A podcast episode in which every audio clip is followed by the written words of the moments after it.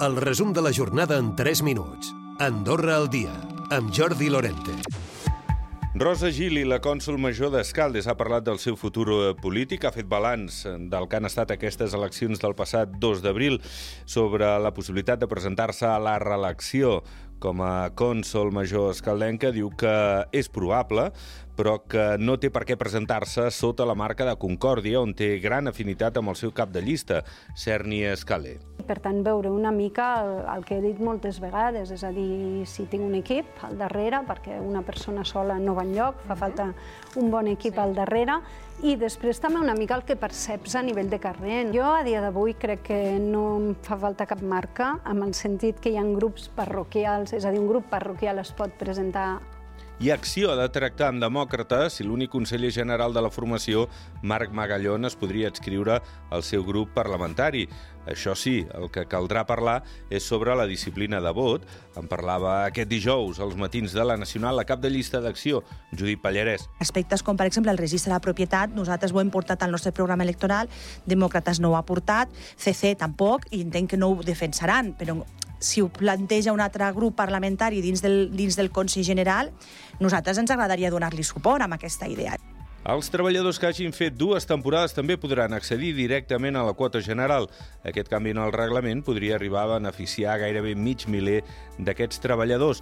Govern accepta així una demanda del sector hoteler per aconseguir tenir suficients treballadors de cara a l'estiu. El director de la Unió Hotelera és Jordi Pujol. Hi ha molta gent que, que ha fet dues temporades, que no havia fet la tercera i que no podia justificar aquesta tercera. Llavors, bueno, nosaltres com a mínim estarem una mica més contents que no pas eh, el que estem fins ara.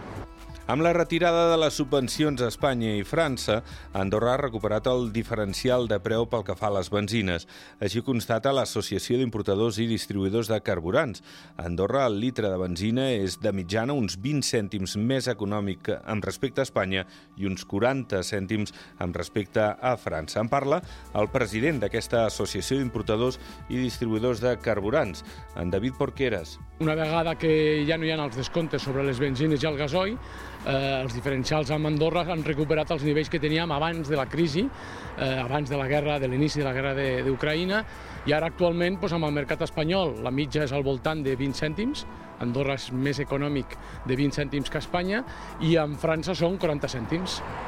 La demanda de l'advocat Emili Campos contra el procés electoral ha estat traslladada a la presidència de la Batllia. Així ho ha decidit la Batlla de Guàrdia.